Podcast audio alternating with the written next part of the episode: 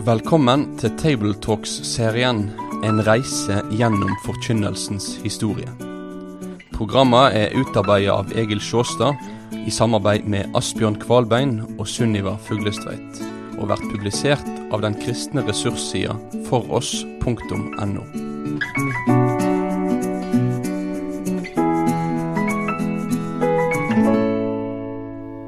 Nå har vi på vår reise gjennom forkynnelsens historie vært innom eh, flere tidsepoker.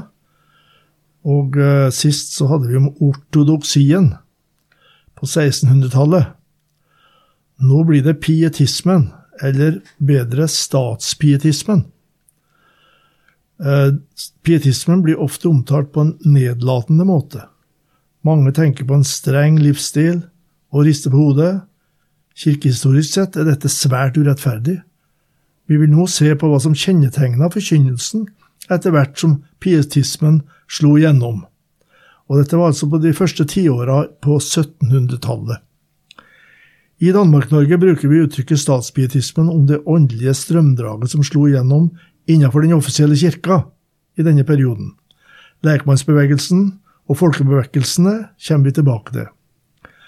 Den pietistiske vekkelsen som kom som en reaksjon på de kirkelige forholdene på slutten av 1600-tallet, kom egentlig ikke med noe radikalt nytt, men allikevel ble det en kritisk holdning til ortodoksien, som for øvrig heller ikke var ny, da, for ortodoksiens folk kunne kritisere sin egen epoke. Men likevel, når Philip Jacob Spener initierte i 1675 sitt skrift Pia Desideria, fromme ønsker, da var det noe nytt, en ny tendens, en ny bevegelse som fikk store følger for forkynnelsen på 1700-tallet. Nå kom ikke bare den riktige teologien til uttrykk, men den ble opptatt med tilhørernes sjelstilstand. Det kom i sentrum for oppmerksomheten. Uten å nedvurdere læren ble det dermed avgjørende synspunkt menighetens åndelige behov. En ble opptatt av å tenke sjelesorg, både når en forberedte seg, og når en sto på prekestolen. Det ståsted en vurderte sjelenes tilstand ut ifra, var de brennende evighetsspørsmåla, at de må bli frelst. Vi må hjelpe dem på veien til målet. Det skjedde en psykologisering, men vel å merke en psykologisering orientert ut fra hvordan Guds ord var forventa å virke i sjelene når det forkynnes rett. Psykisk velvære, selvfølelse, indre menneskelige konflikter osv. hadde nok sin plass, men det overordnede hadde med gudsforholdet å gjøre, og Guds ånds virke til tro og helliggjørelse var tema nummer én. Dermed kom behovet for å sortere blant tilhørerne. Noen er omvendt, noen er uomvendt, noen er vakt. O Jesus, Jesus, kom dog snart, og se din vingårdsart. Av døpte vrimler stad og land, men hvor er troens brann? Hva hjelper det vi vet, du døden for oss led, når vi ei står mot Satans verk, i troen frisk og sterk?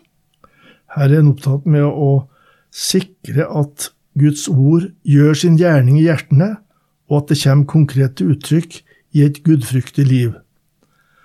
En ville oftest ikke trekke klare, synlige grenser mellom omvendt og uomvendt, men forkynneren skulle preke slik at tilhøreren kunne trekke riktige slutninger om seg sjøl. Dermed ble begrepet ortotomi viktig. Å dele ordet rett. Med det mentes at en skulle forkynne med klar adresse til de ulike gruppene. Mange forkynnere hadde følgende ortotomi i bakhodet når de prekte. Den egenrettferdige må få høre lovens ord nærgående, slik at han eller hun mister troen på sin egen innsats i frelsens sak. Den selvsikre må vekkes og avsløres i sitt selvbedrag, så en begynner å rope til Gud den anfektede, den som altså ikke kjenner seg verdig til å tilhøre Gud, må få malt Kristus alene for sine øyne. Den usikre må oppmuntres til å fortsatt å be og holde seg til ordet. Den sløve kristne må få høre at uten helliggjørelse skal ingen se Herren. Den verdsliggjorte skal presenteres for ord om ikke å skikke seg lik denne verden. Og alt sammen må skje i bønn om at den store sjelekjenner appliserer ordet så det gjør sin gjerning i sjelene. De brukte ofte uttrykket 'saliggjørelsens orden'. Den skulle prege troslæreundervisningen for prestene ved Universitetet i København, og prestenes prekener ble lagt laga i dialog med saliggjørelsens orden. Mennesket gjennomgår ulike stadier på sjelefrelsens vei. Fra ufrelst tilstand via vekkelsen, opplysningene om vendelsen, gjenfødelsen, rettferdiggjørelsen, helliggjørelsen til salighet i himmelen. Disse stadiene skal altså predikanten ha i mente når han preiker. Å bli en kristen er å forandres innenfra og bli født på ny. Den nye fødsel er nok knytta til dåpen, men de fleste faller jo ut av dåpsnåden. For dem er Guds ord det middelet Gud bruker for å gjenføde dem til et nytt liv. Dette var ikke nytt, også ledende ortodokse teologer som Martin Chemnitz hadde lært at frafalne døpte blir gjenfødt igjen når de kommer til omvendelse og tro. Ved tro alene anerkjennes vi som Guds barn, og denne troen i hjertet er nettopp den nye fødselen. Det kunne også Luther si. Pietismen opererer med en rekke kjennetegn på at den er gjenfødt. Saliggjørelsens orden kunne derfor bli en ny tvangstrøye både for predikanten og tilhøreren. Den enkeltes selvprøvelse, i seg sjøl et viktig mål for forkynnelsen, kunne skape usikkerhet hvis momenta ble mange og nåden kom i skyggen. Eier jeg virkelig den levende tro? Den personlige sjelegranskingen kunne skape lovtreller, sa rosenianske predikanter, som vi senere skal høre litt om. Det vi her har understreka, er altså tendenser som kan gjenfinnes i pietismens tid. Peder Hersleb, 1689–1757, født i Norge, kan stå som et eksempel på en moderat pietist og en akta kirkeleder. Han ble biskop i Akershus stift i Norge fra 1730 til 1737, og biskop over Sjælland fra 1737 og fram til sin død. Hans prekensamling fikk en enorm betydning. Her er en beskrivelse av Peder Hersleb som predikant. Tilhørende ble fengslet i like høy grad av innholdet som er formen i hans forkynnelsen. Prekenen er avfattet i en kraftfull og djerv stil som rår over de mest forskjelligartede virkemidler. En stillferdig troverdighet når han gjen, når han gjengir kristendommens læreinnhold og det bibelske stoffet, veksler med en mektig patos. Denne bryter snart ut i en hellig harme over syndens makt og menneskets ugudelighet, snart i jublende seierstoner over frelsen i Kristus, for så igjen å avløses av bitende sarkasmer over verdens falskhet og tomhet, eller av en mild inderlighet i skildringen av Guds alt om alt forbarmende kjærlighet og av salighetens fylde. I tillegg kommer Herslebs store fantasi.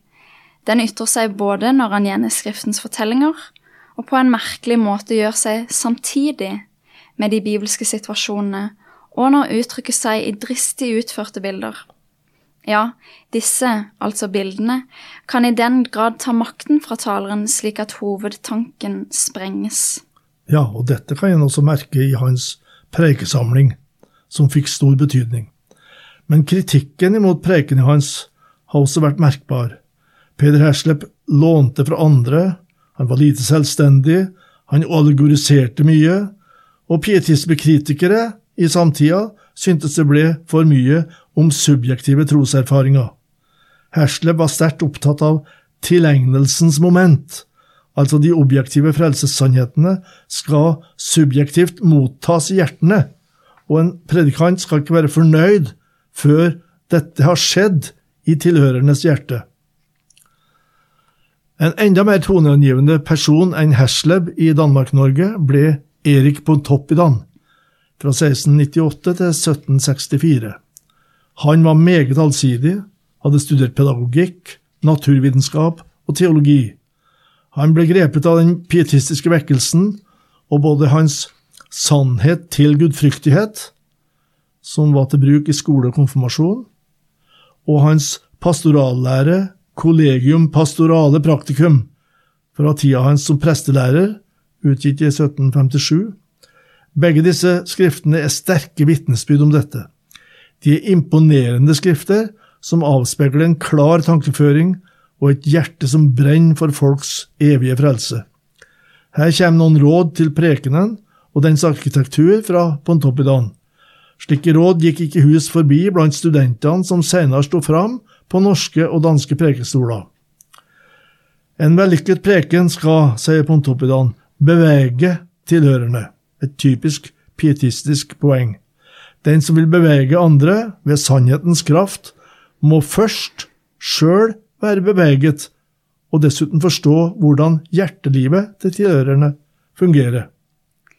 Vil læreren bevege et menneske til omvendelse, må han sette seg inn i synderens situasjon og prøve å forstå hvilke skjulesteder han gjemmer seg i, og hvilke forsvar hans hjerte dekker seg med for ikke å bli såret av sannhetens gjennomtrengende kraft. Vi ser igjen tydelig at tilhørernes behov styrer opplegget i preika.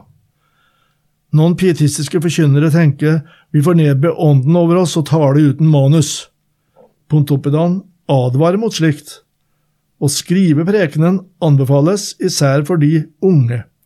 Dessuten, det en har skrevet, er halvt memorert, sier Pontoppidan. Og føyer han til, til late predikanter, postiller er en hjelp, men må tilpasses ens egen stil. Pontoppidan stiller store krav til prestens dømmekraft. Til menneskesinnets naturlige gaver hører de krefter og evner til som vi kaller ingenium, judicium og memoria. Ja, dette var ikke noe han sjøl brukte på prekestolen, men i sin undervisning for framtidige predikanter, prester, så omtaler han dette. Og de er viktige for predikanten sin.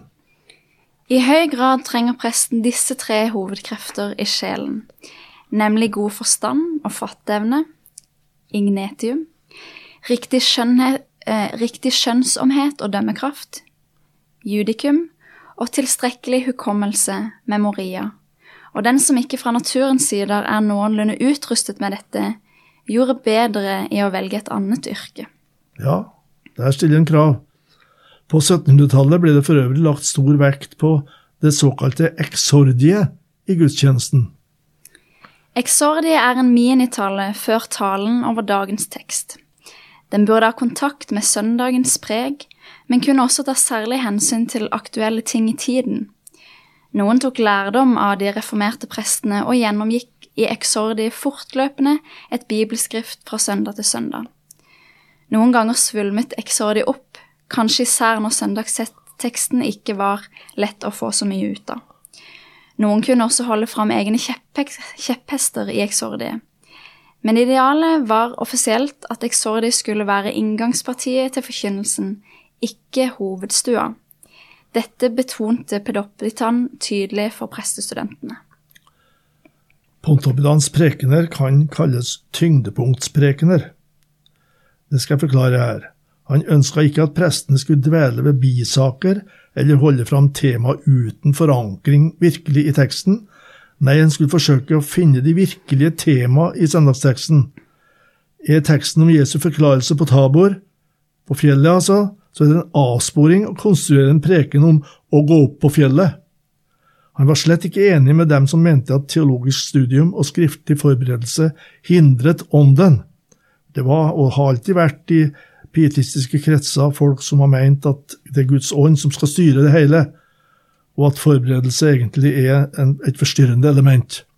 Nei, se Pontoppidan, forsøm ikke det grunnleggende studium, for selve teksten skal ha makten.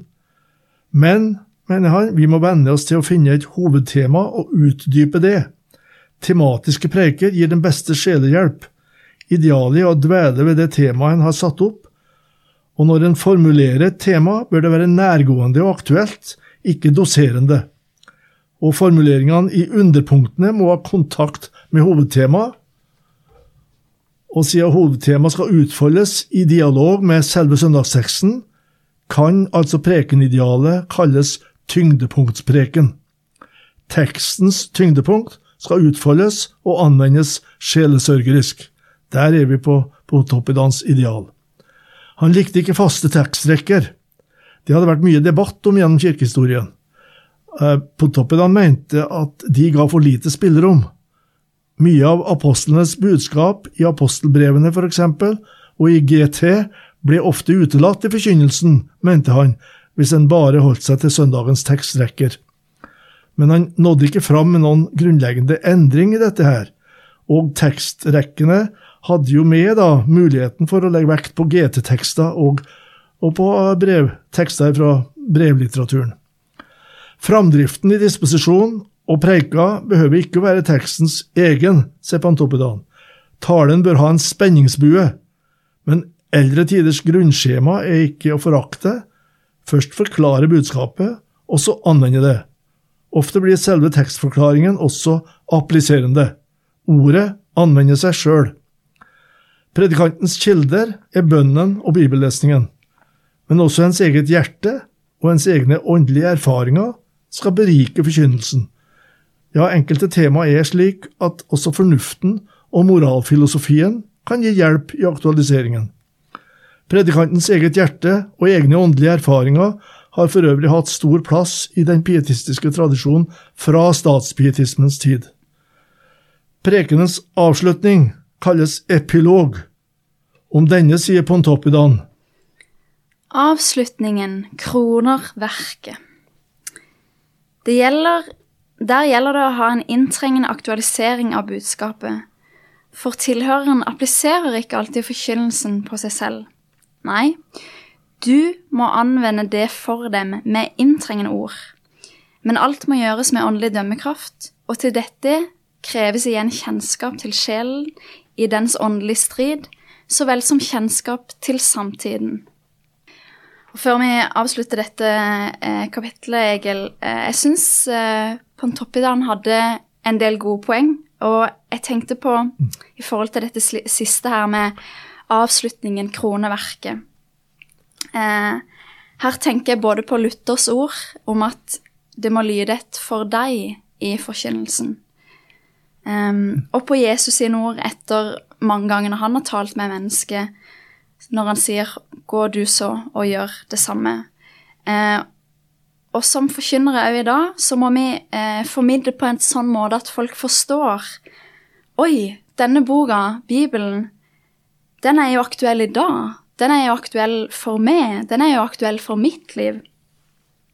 Eh, og på sånn måte så syns jeg, synes jeg det er interessant at han skriver at for at vi skal få til dette her, så krever det kjennskap til sjelen, i dens åndelige strid og til samtida. Og jeg tror at sjelen i den åndelige strid er noe vi kan kjenne oss igjen i. Eh, det er noe vi kan kjenne på kroppen, òg etter at vi er blitt kristne.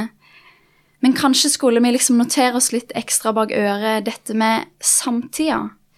Um, Timothy Keller er jo et veldig veldig godt eksempel i vår tid da på en som er veldig flink til å kjenne både Bibelen godt, men han kjenner jo veldig godt menneskene og kulturen som rører seg på Manhattan, der som han, han eh, har sitt virke.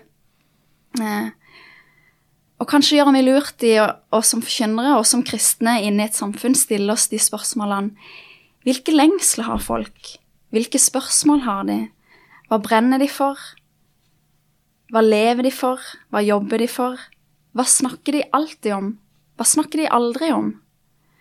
Jeg tror jo at eh, lengslene og de dype spørsmålene i et menneskeliv kanskje egentlig ikke har forandra seg så veldig mye over tid, men måten vi sier de på, eller måten vi pakker de inn på, har forandra seg. Og dette er noe vi som forkynnere må imøtegå, da.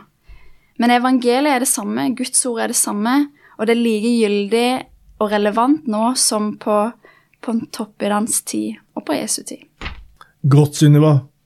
Da avslutter vi der med statspietismen. Takk for at du har vært med på denne reisa gjennom forkynnelsens historie. Vil du lese mer om temaet?